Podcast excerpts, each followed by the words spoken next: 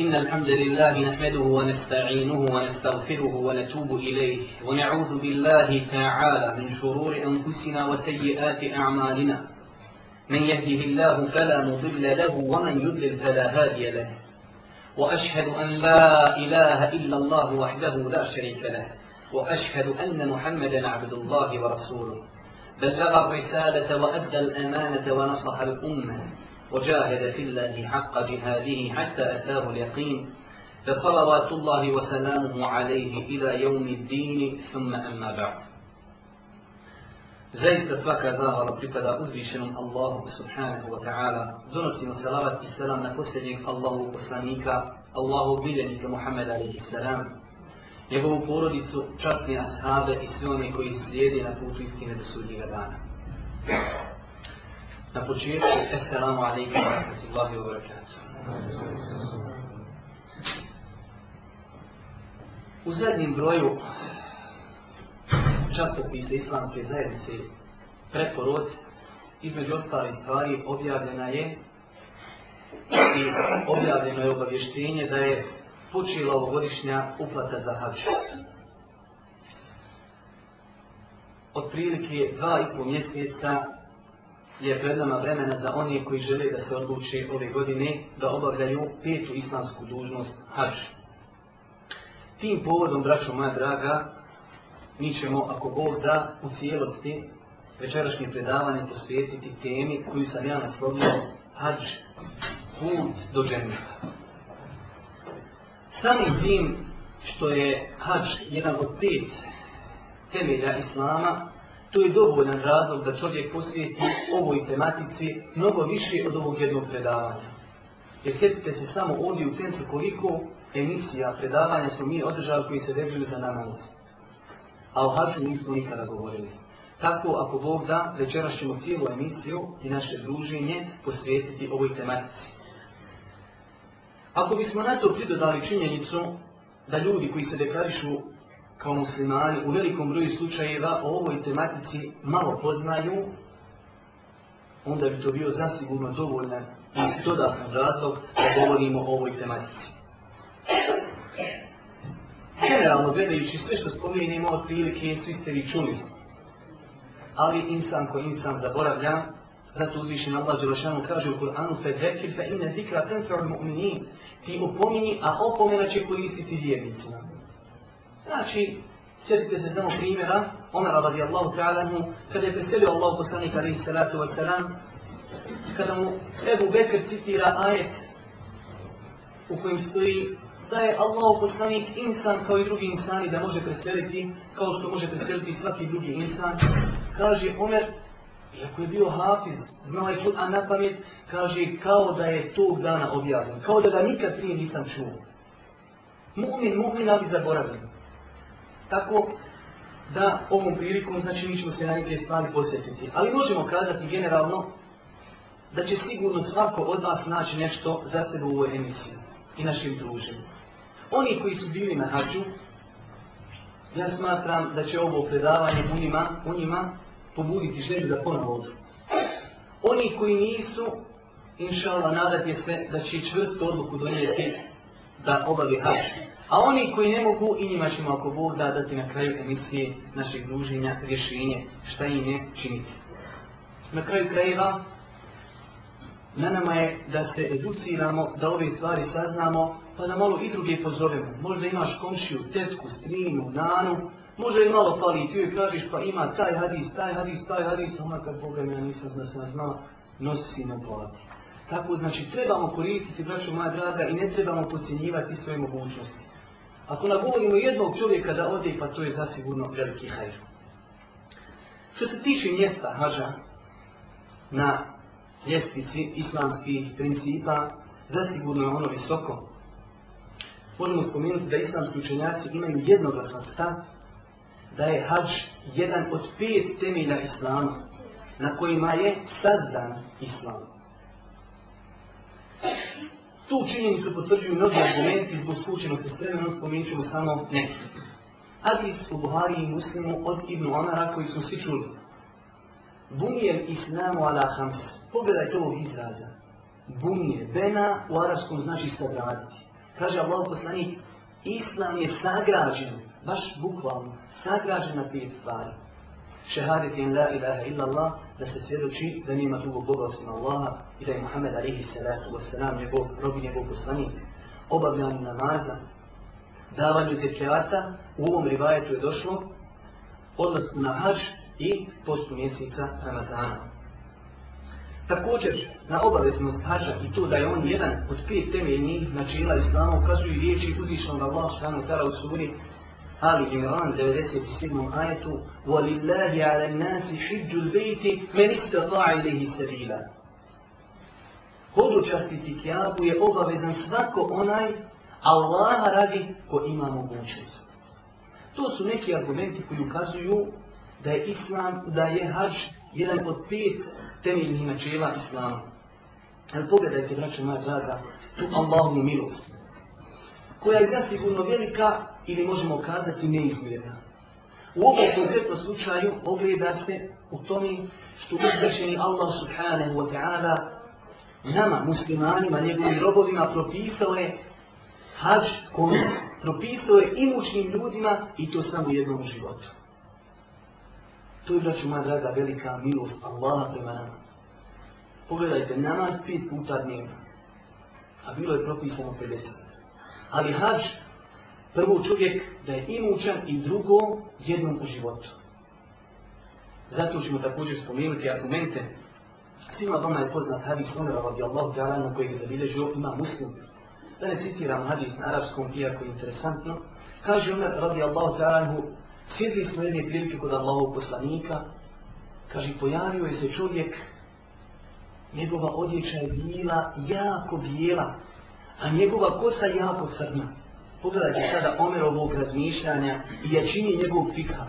Kaže, na njemu se nisu primječivali pragovi putovanja. Znači, trebao bi biti stanovnik Medini, a nikoga, kaže, od nas ne poznaje. Jer Omer zna, ako je stanovnik Medini, dobro može biti, znači, uritskan, fino, svježen, ali treba ga neko znati. A kaže, nikoga ne zna, a on lijepo svježen. Kaže, pa je došao kod Allahog poslanika, ali se ratu o seran, sjeo kod njega, koljenima uz koljena. Znate kako se sjedni koljena uz koljena i stavio je, kaže, svoje ruke na njegova stegna. Thank you kaže ovaj čovjek, nepoznati čovjek, obraća se direktno, kaže ja Muhammed, zna on već Muhammeda, alaihi salatu wasalam, i kaže ja Muhammed, ahbirni anil islam, kaže mi šta je tu islam? Pa kaže Muhammed alaihi salatu wasalam, islam je da svjedočiš da nema drugog Boga osim Allaha i da sam ja, nego vrlo i poslanik.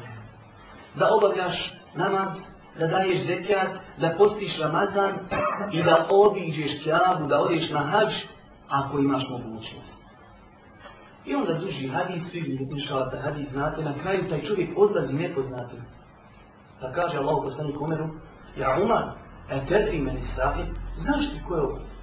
Kaže Omer, Allahu wa Rasulu a'lam, Allah njegov poslanik najbolje znaju.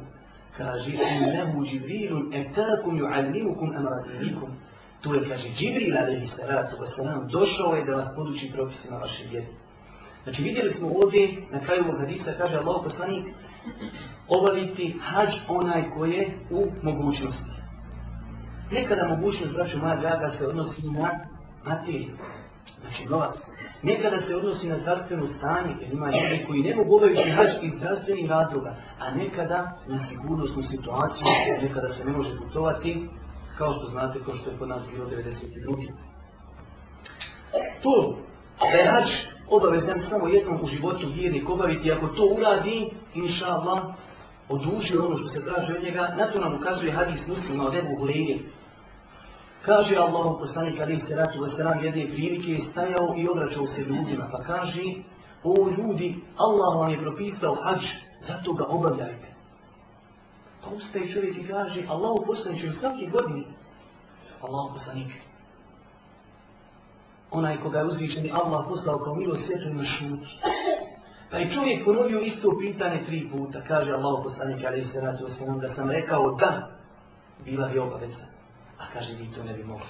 Što znači, čovjek musliman je obavezan jednom životu da obavi hač, ali normalna stvar. Nijukom slučaju to ne znači da ne treba više puta obavljati hačem. Dobro. U nastavku druženja pokušat ćemo spomenuti neke argumente koji ukazuju na vrijednost obavljanja hađa, te neke ibadete koje čovjek može uraditi isključivo samo na hađu ili u svijetim mjestima. A to znači moja draga opet sve s ciljem. Ne bi se u ovim našim srcima, ako ništa, probudila namjera i želja da i mi nekada kročimo tim vrijednjama. Normalno, na nama je da se malo i preispitamo koliko smo mi znali prijatelje argumente, također, kakve su naše namjere, da li smo mi donijeli čvrstu namjeru da ćemo inšala nekada obaviti hač. Jer, praću moja draga, čovjek nije obavezan, hajde kažemo da odvaja od svog zaloga pa rodi na hač. Ali vjerujte, vidjet ćete iz argumenta da se isplati čovjeku napraviti jednu strategiju u roku 5 ili 10 godina i da kaže primjera radi, svaki mjeseću jednu dijemicu samo ostavljati na stranu.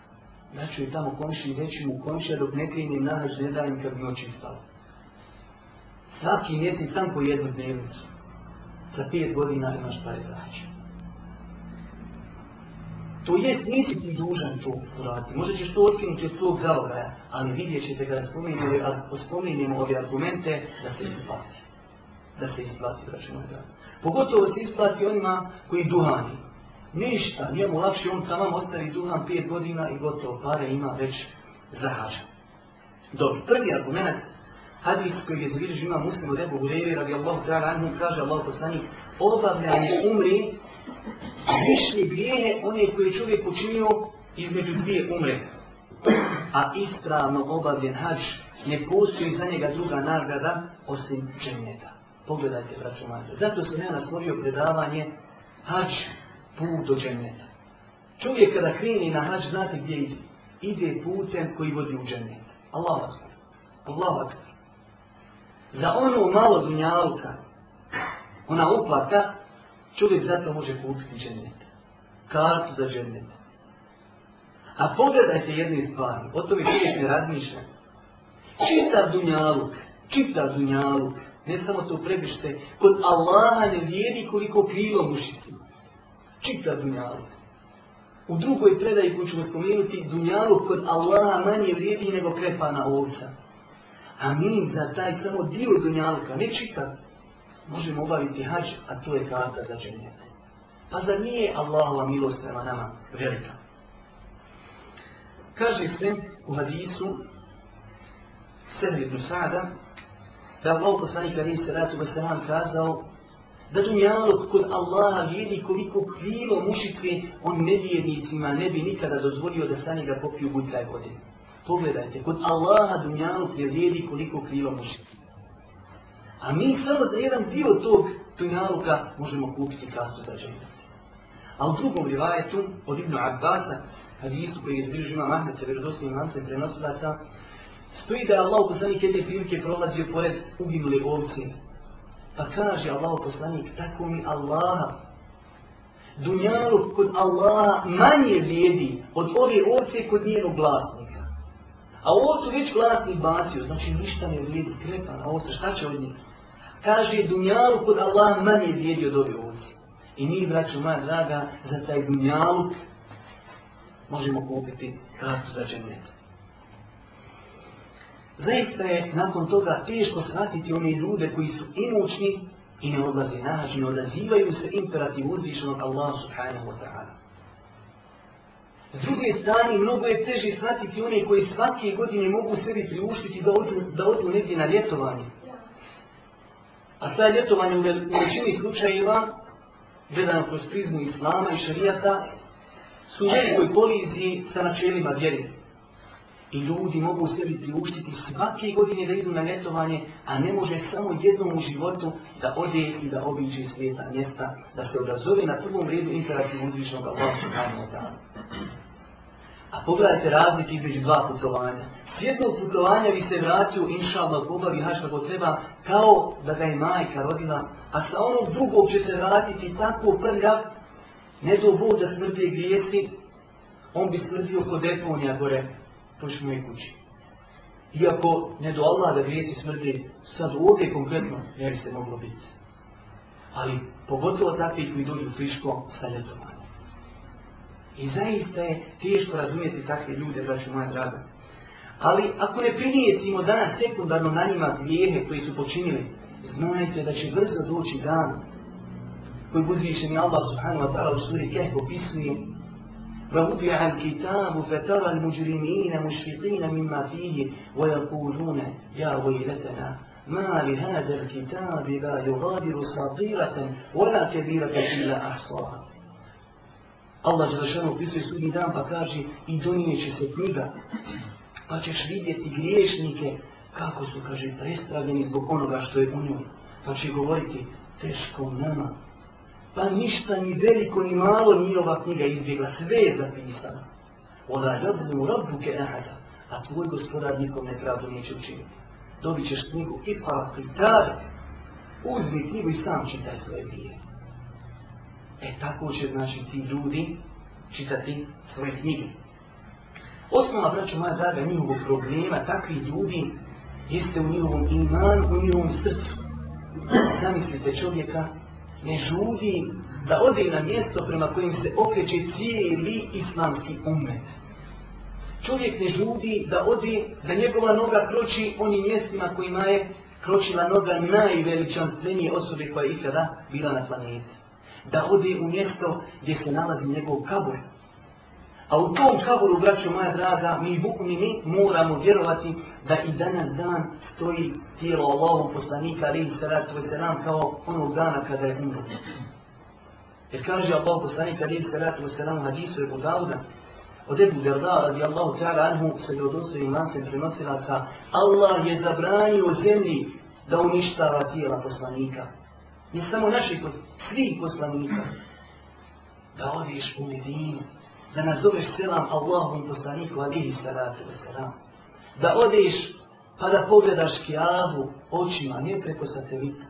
Pa da dodirneš kjavu, pa da dodirneš onaj hađarul esved, crni kamen. O kojem kaže Allahom poslaniku alihi salatu wasalam, kao se došlo u hadisu Tirmizi od Ibn Abbas, radi Allahu ta'ala anhu, kaže crni kamen hađarul esved je spuštan iz džemneta kada je spuštan dio je djelji od snijega, a u rivajetu od mlijeka. Pa su ga ocrnjali grijesi Adeum i Potomak.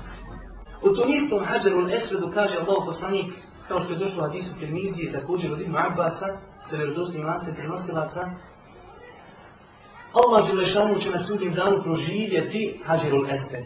Imaće, kaže, dvoje očiju kojima će gledati i imaće jezik kojim će govoriti svjedočit će svima onima koji su ga dirnuli svojom rukom. Allahu akbar. Allahu akbar. Također, od vrijednosti obavljanja hađa, jeste svakako, braću moja draga, nakon što smo spomenuli da je to karta za žemljet, jedna velika također korist jeste oprost grija. Svi mi, braću moja draga, imamo mnogo toga, neko manje, neko više, čega bi željeli da se kutarišemo prije nego stanemo, pred uzvišenog Allah subhanahu wa ta'ala na sudnjem danu.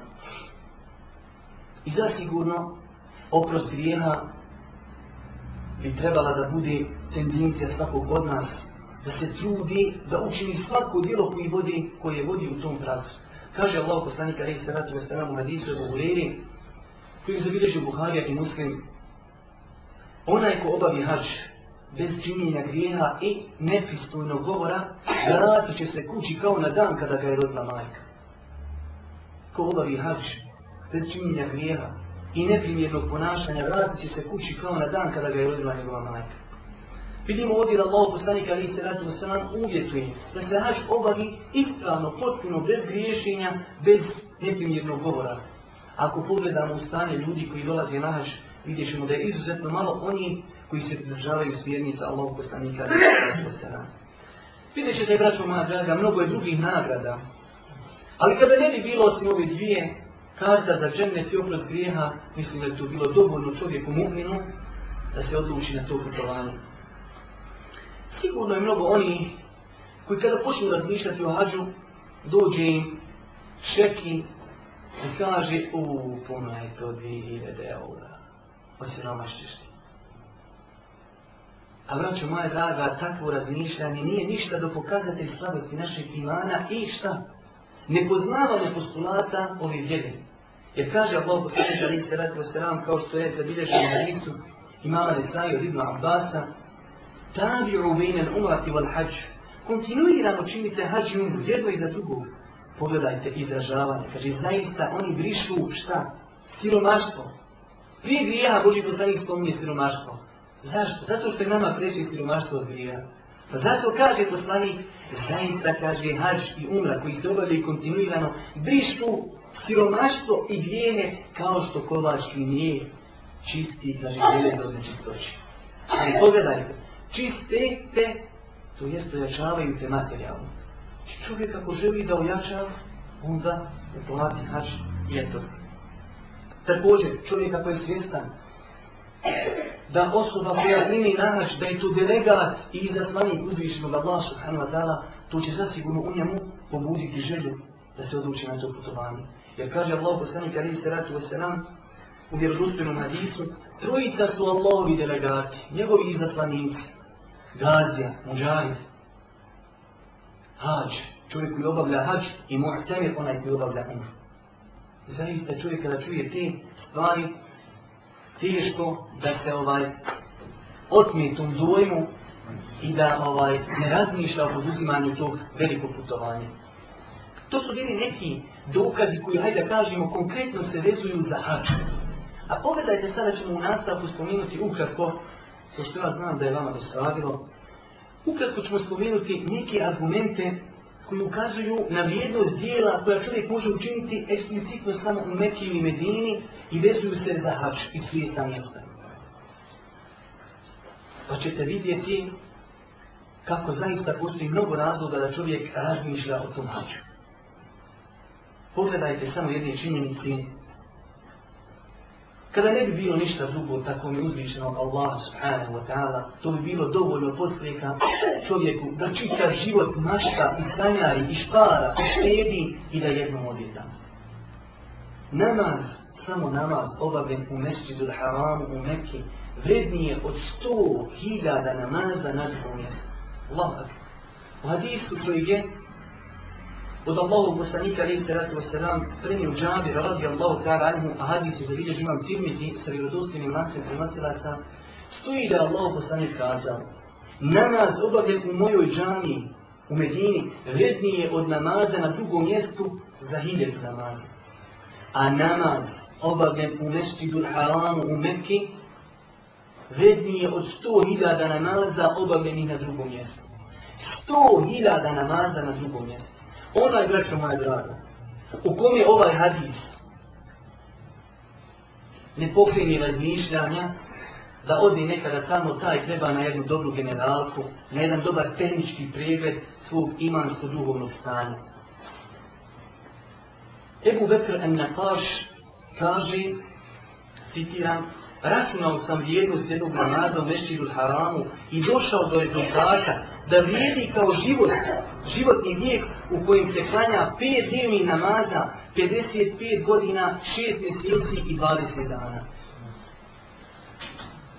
Pogledajte, jedan namaz u Mekke vrijedi. To ne znači da jedan u Mekku klanjaš i 50 godina i ne klanjaš. Ne, nego vrijedi samo.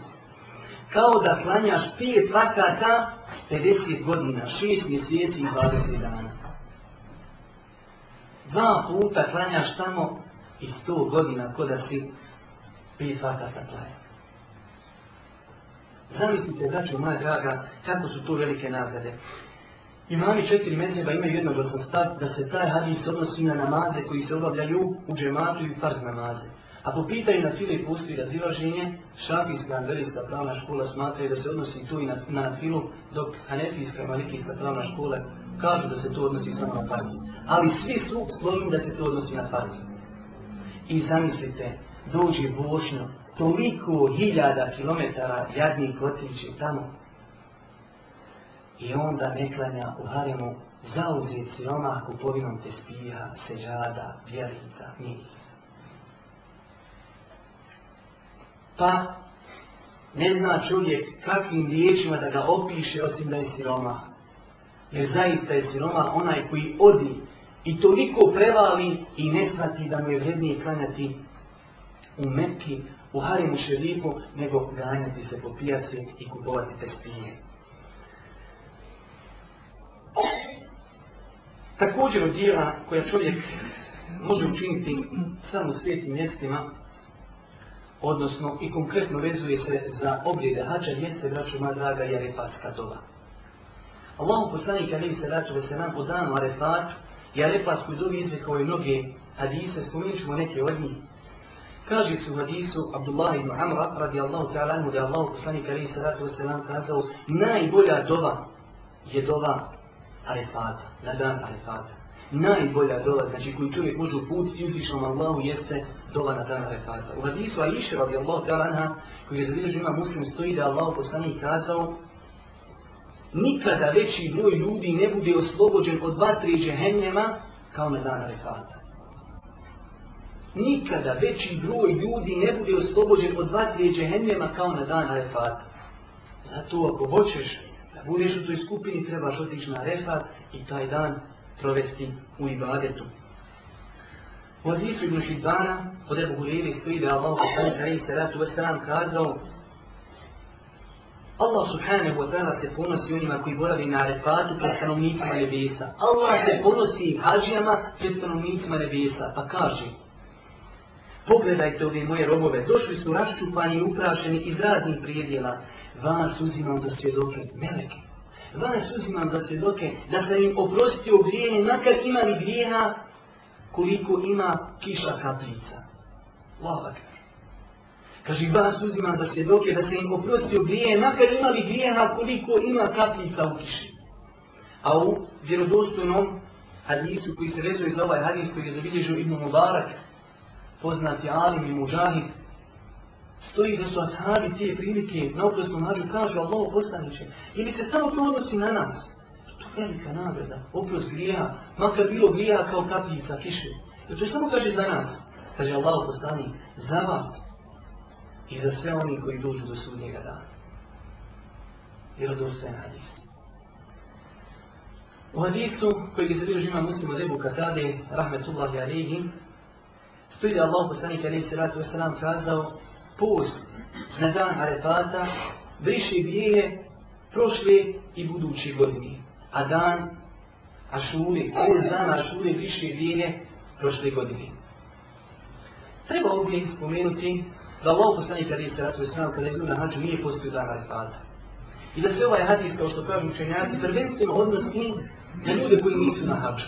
I tu je stav većini islamske učenjaka. Zašto? Iz razloga kako bi čovjek imao više snagi da cijeli dan provede u dobi, u ibadetu. Ali, ako bi uzir u obzir da danas i taj arefat je prilično uređen, postoji šatlore, u vladu čovjek sjedi, po mojom mišljenju nema smjetnje da čovjek posti, a na kraj krajeva tog mišljenja je bila Iša, radijallahu ta'ala, anha, ibn Zubir, Osman ibn Ebi, el'as, radijallahu ta'ala, anhu, Ishak ibn Rahoje i drugi islamski učenjaci ukazali da je čovjek upovalno da posti dana refata, makar bio i na hađu. Iako je stav većinski, većinje učenjaka da čovjek koji na refatu nije povalno da posti, izrazila kako bi što više vremena proveo i baret.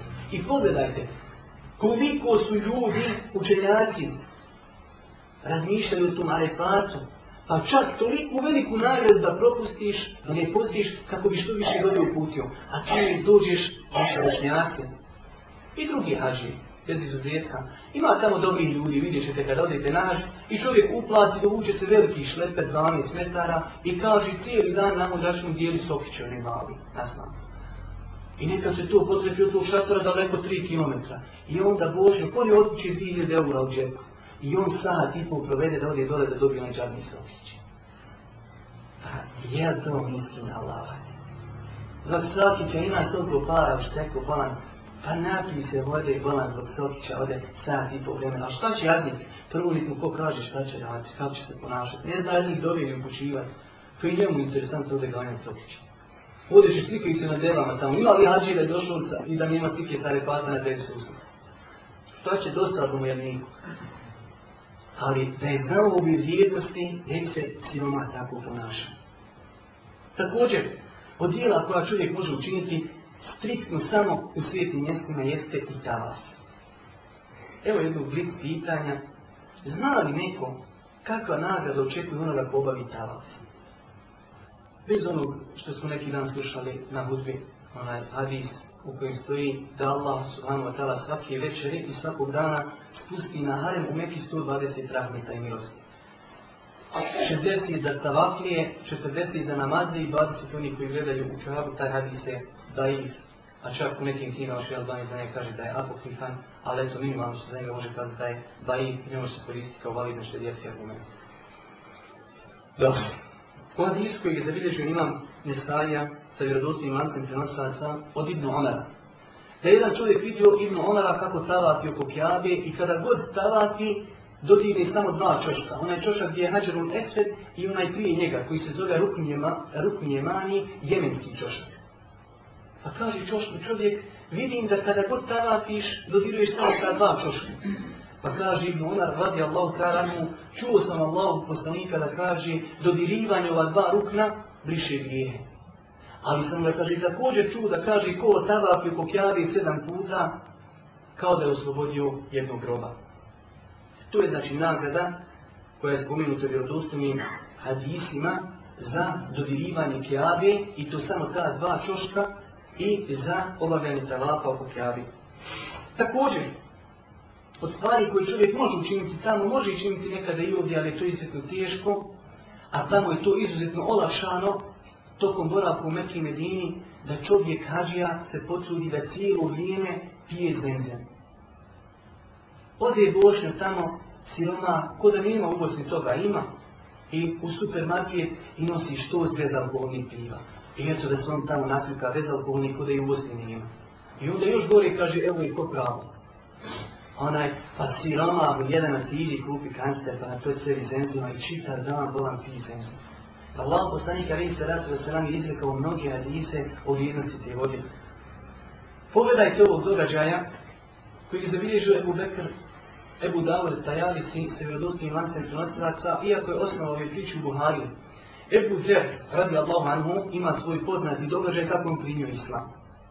I šta je Zepe trpio dok je primio Islam? Između ostalog, on je došao u Meku i ostao mjesec dana tražići poslanika. Klanjao je u Haremu i tražio poslanika da primi islam. Mjesec dana i kada je nakon mjesec dana sveo poslanika, kaže mu Allaho poslanik, koliko si dugo u Meku? Nije čovjek još primio islam, braću. Koliko si dugo u Meku? Kaže 30 dana. A pogledajte milosti Allahovog poslanika, Kaže, pa šta si sin ko jeo u mjesec dana i šta si pio? Interesuje ga, kako je čovjek živio? Kaže, ništa drugo mjesec dana nisam okusio krušnje mrlje osim zemzena. I kaže, nisam nikad osjetio glad i šta više. Kaže, stomak mi se, kaže, onaj, ko što mi rekli šlaufi, onaj, kaže, stomak mi se na goru odedini. Mjesec dana nisam krušnje mrlje, kaže, okusio osim zemzena. Pa kaže, Allah, postanika, rej se, ratio sram, i neha me barake. Ona je blagoslovljena. Ona je, kaže, hrana onima koji su gladi i lijek onima koji su bolesti. A u drugom vjerodostojnom hadisu, koji bile živno nađe se, vjerodostojnom nađe se prenosila sa od Džavira, radi Allahu anhu, da je Allah poslani kazao Voda zemzem je za ono zašto se namijeti. Zašto popiješ, zato je djeluje. Takvog lijeka još nije medicina izmislila. Oni ako izmisli Andor, liječi ti glavu od ljude srce. Ali zemzem za što god namijetiš, prolazi. Normalno. Ako tvoje srce bude ubijeđeno da postoji uzvišenje Allah iznad sedam nebesa koji je kadar da dadni da ta zemzem voda djeluje tako. I pogledate opet na kraju te naše vršnjake i krene od tuda, mjesto da si doma, sve što ima prostora uzme galona, uzme kanistira i nosi zemzema pa da je kotpiče kom je dadni da i on još popije a on jadni gleda što više ispod jada da natovari i ono ponese možda jedan litar čisto onako da ima reda radi. Problem svega toga jeste što ljudi idu na to putovanje, a nisu svjesni vrijednosti koje imaju tamo, odnosno drugi strani, nisu svjesni šta sve mogu propustiti. On jadni da je, da je svjestan, ne bi se tako ponašao, ali nije svjestan, pa se tako i ponašao. Također od stvari koje čovjek može učiniti prilikom boravka u svijetnim mjestima jeste svakako i obavljanje namaza u džami Allahu poslanika rehi salatu wasalam. Spomenuli smo hadis džavira da Allah poslanik kazao namaz obavljen u mojoj džami je vredniji od hiljedu namaza obavljenih na drugom mjestu. Ovdje možemo nakon uskutno spomenuti da ne postoji, braću moja draga, ni jedan obred koji se vezuje za hađ, a da se obavlja u Medini. U Medinu se odlazi samo što je tu svijeto mjesto, što postoji tu džamija Božih poslanika, ali ne postoji ništa što se vezuje za hađ. Zašto ovo govorimo? Zato što postoje apokritni hadisi, lažni hadisi, u kojima stoji, primjera radi, spomenut ću vam tri hadisa, ko obavi hađ, pa ne posjeti moj kabur, kao kaži, odnosno ko obavi hađ, pa posjeti moj kabur, kao da me je posjeti u životu ili hadis Allahog poslanika, apokrifan, ko obavi hač, a ne posjeti ne, ne posjeti moj kabor, taj me je zapostavio. I treći hadis, ko posjeti moj kabor, obavezan mu je moj šefavat. Sve su tu hadisi apokrifni i ovaj čovjek treba da ima jedno veliko pravilo, nikakva stvar, nikakav ibadet u Medini se ne obavlja da se vezuje za Meku i propise hađa. Na kraju, braću moja draga, ostaje nam da rezimiramo i da kažemo da ono što smo spomenuli zaista trebalo bi da probudi u svakom čovjeku koji vjeruje Allah subhanahu wa ta'ala i nada se susretu sa uzvišenim gospodarom, da probudi u njegovom srcu želju da i on jednog dana obiđe ta svijeta mjesta. Također, možemo rezimirati da je zaista čudno stanje onih ljudi koji ne žudi za tim mjestima i koji nekada, varajući sebe na prvom redu, govori na teškoj to nama podale korate. A vidiš tog istog, ako ima kakav koncert, ili ono sa što je još malo više atraktivniji, kakva korida, pa ne može ga mašiti. I njemu daleko upali auto, vjerujte da ima ljudi po 150-200 km ode na koridu. Nije mu teško da odi na mjesto gdje se krši Allahove granice, ali mu je teško da odi tamo odakle bi se treba obraziti kao na dan kada ga je majka rodila. Problem je, braću moja dana, nazali smo u njihovim srcima. Zaista je čudno da volimo bikove više nego kjava, ali svojim ponašanjem i svojim dijelima potvrđimo da je tako. I ako sada kada bi nekoga upitao šta više voliš, bika ili kjavu, sad ćete čuvim kjavu, pa dobro, čime to potvrđuješ, onda ćete vidjeti da nema ovaj odgovora na to. Na kraju spomenut ćemo samo četiri savjeta, veoma bitne savjeta, koje bi trebalo da zna svako onaj ko želi ako Bog da dodi na hač. Prva stvar, kratka, velika je greška odgađati, odgađati odlazak na hač pod izgovorom treba biti hađija prije ne bodiš na hač. A ljudi kada upita što mora nigdješ na hađu, a pa kaže treba biti hađija prije, prije hađa. To je vraću moja tada u osnovi rečenica ispravna. Treba biti mujo, što kaže danas naj, treba mujo biti i prije hađa i poslije hađa. Ali to nije validan razlog da odgađaš odlazak na hađa. Prvo, postoji opcija, idi na hađa pa se popravi. Drugo, ne to Bog da se toliko pokvarim, pa idi na hađa, ubavi hađa, bo nam tu je dužnost, pa makar nastavi opet istim životom. Normalno, to mi ne zagovaramo. Ali ako si u mogućnosti bolan, bit ćeš pisa na sudnjem danu što to nisi obavio. Ali normalno, ako si razumom kad odiš tamo i kad se dograbiš tog pisevapa i ćevapa i svega toga, pa da ćeš se spametovat tako Boga. Znači, neispravno odgađati hač pod izgovorom, treba biti hađija prije hađa. Druga stvar, pokriješno je odgađati pokajanje i teubu do vremena odlaska na hađa. Vidiš čovjeka, svugdje ga ima, u svim šetanocima. Pa kada se im razgovaraš, kaže, ako Boga, dok ja ostarim, ode ja nađu, tada, ako Boga, ja ću biti dobar moj bih. Pogrešno, braćo, najdraga, izuzetno pogrešno, jer ne može nam niko garantiti da ćemo sabah doživjeti, a kamo li starost, a kamo li dođeš nađu. Također, čovjek i osoba koja se odluči za odlazak na hač, treba prije nego uži u autobus ili u avion, da dobro očisti svoju namjeru. Što ili? čovjek treba da ima na umu od prvog dana da ide iz razloga da se odazove imperativ uzvišnjom Allah.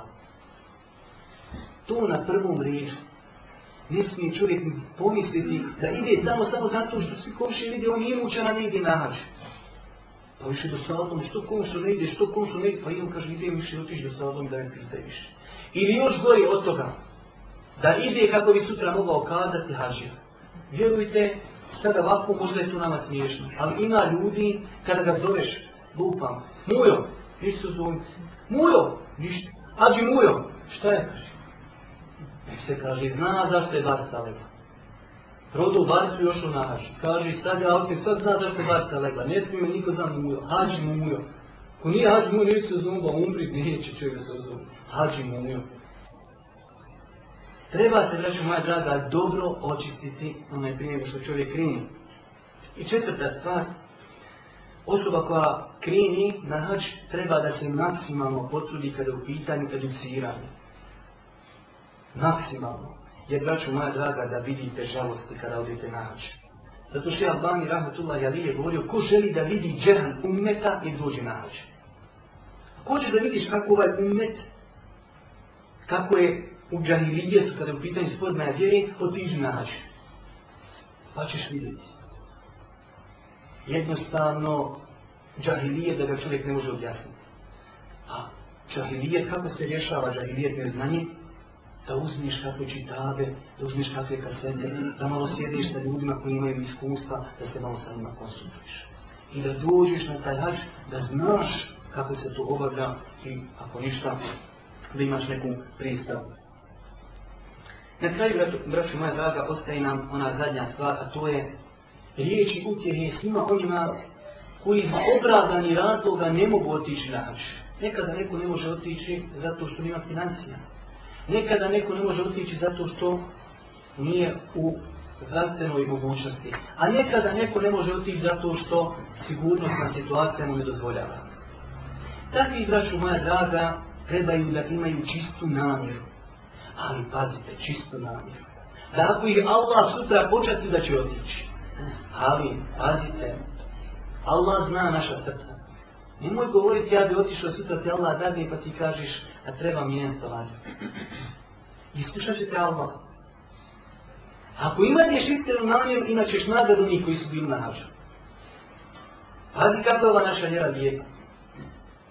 Ali pazi, nemoj dozvoliti da te šeitan zaprkava. Tada govoriš gospodar ja višu, samo da mi, a kada dadnji, onda neću govoriti šta se na, naopadi da treba kupovati i šta, šta sve treba raditi. Naša sva vjera, braću moja draga, zasniva se na iskrenosti mjeta. Jer kaže Allah poslanika alaihi sallatu wa sallam, poznatu na hadisu muslima od Omera radi Allahu anhu, innemel a'malu bin nijad. Zaista se dijela vrednju ko namirama. Ko budiš imao namjeru, čvrstu namjeru i molio gospodara, gospodaru olakšaj mi da odim, gospodaru učini da i ja odim. Gospodar zna, ako ne odiš ti ćeš imat namjer. Pogledajte ovaj hadis koji je zabilježio na Bukhari od Enesa radi Allahu ta'ala. Allahu poslani se vraća sa te buka. Pogodili smo nedavno o Kaab ibn Maliku i iskušenjima Kaab ibn Malika i koristima iz, tog, iz tog događaja. Vraća se Allahu poslani iz te buka i kaže Allahu poslani ka sahabima Zaista, kaže, u Medini ima ljudi koji su u Medini, a neprestano su, kaže, bili s vama. Gdje god ste vi išli, kaže, kroz doline, uz brda, oni non stop s vama u nagradi. Kaže, sad, Allaho poslaniće, oni u Medini, a s nama u nagradi. Čudno. Kaže, Allaho poslanić, oni su, kaže, odsustovali iz opravdanih razloga. Zato tamo Kur'an kada je opisuje, kaže, te fidu, teku suze njihove od žalosti. Dolazi Allah poslanik, kažu daj nam jalic, idemo, dajmo život, to ćemo uživati, ali nemamo. Kaže Allah poslanik, ja ne mogu vam našli jalic, a ne mogu pješci. Pa se vraćaju, ali Allah zna tu njihovu iskrenost, da su željeli da idu. I zato kaže Allah poslanik, oni imaju nagradu koji vi, imaju vini, ali ima nagradu. Zbog čega? Zbog namjeri. Zato isto u Hadisku, koji je zavljeno živno mađo, za koji će Allah i Rahmetullah Jalim kaže da je vjerodostajan, Kaže Allah poslanik, dunjaluk pripada četvorci ljudi. Spominit ćemo prvu dvojicu kako bi samo shvatili o čemu se radi. Kaže, prvi čovjek kojim je Allah dao znanje i imetak. On kaže, radi po svom znanju, a imetak truši onako gdje treba. A drugi, Allah mu je dao samo znanje, a nema imetka. Ali on kaže, ja kad imao imetak radio bi koji onaj. Kaže, njih dvojica su unadali isti istu nagradu imaju. Ništa nije udijelio, ali samo kaže, ja kad imao, ja gdje imao. Ali iskreno iz srca. Zato, braću moja draga, znači to su ti riječi utjehe za velik broj nas ovdje, a to je da donesemo čvrstu i iskrenu odluku da ako nas Allah počasti, da ćemo i mi inša Allah obaviti tu petu dužnost. Na kraj nam ne proste ništa drugo, da uputimo dove onome čije riznice obuhvataju sva blaga, da nas obskrbi i da i mi, ako Bog da, svojim nogama kročimo po tim svjetnim mjestima i da učini nas od onih koji će imati iskrene i čvrste namjere da obavi tu petu islamsku dužnost. Molim Allah subhanahu ta'ala na kraju odruženja, da ono što smo čuli bude dokazom za nas, a ne protiv nas. Molimo da subhanahu wa ta'ala da popravi stanje umeta, da olakša muslimanima madje dini, da nam olakša polaganje računa إنك لا سبحانك اللهم وبحمدك أشهد أن لا إله إلا أنت أستغفرك وأتوب إليك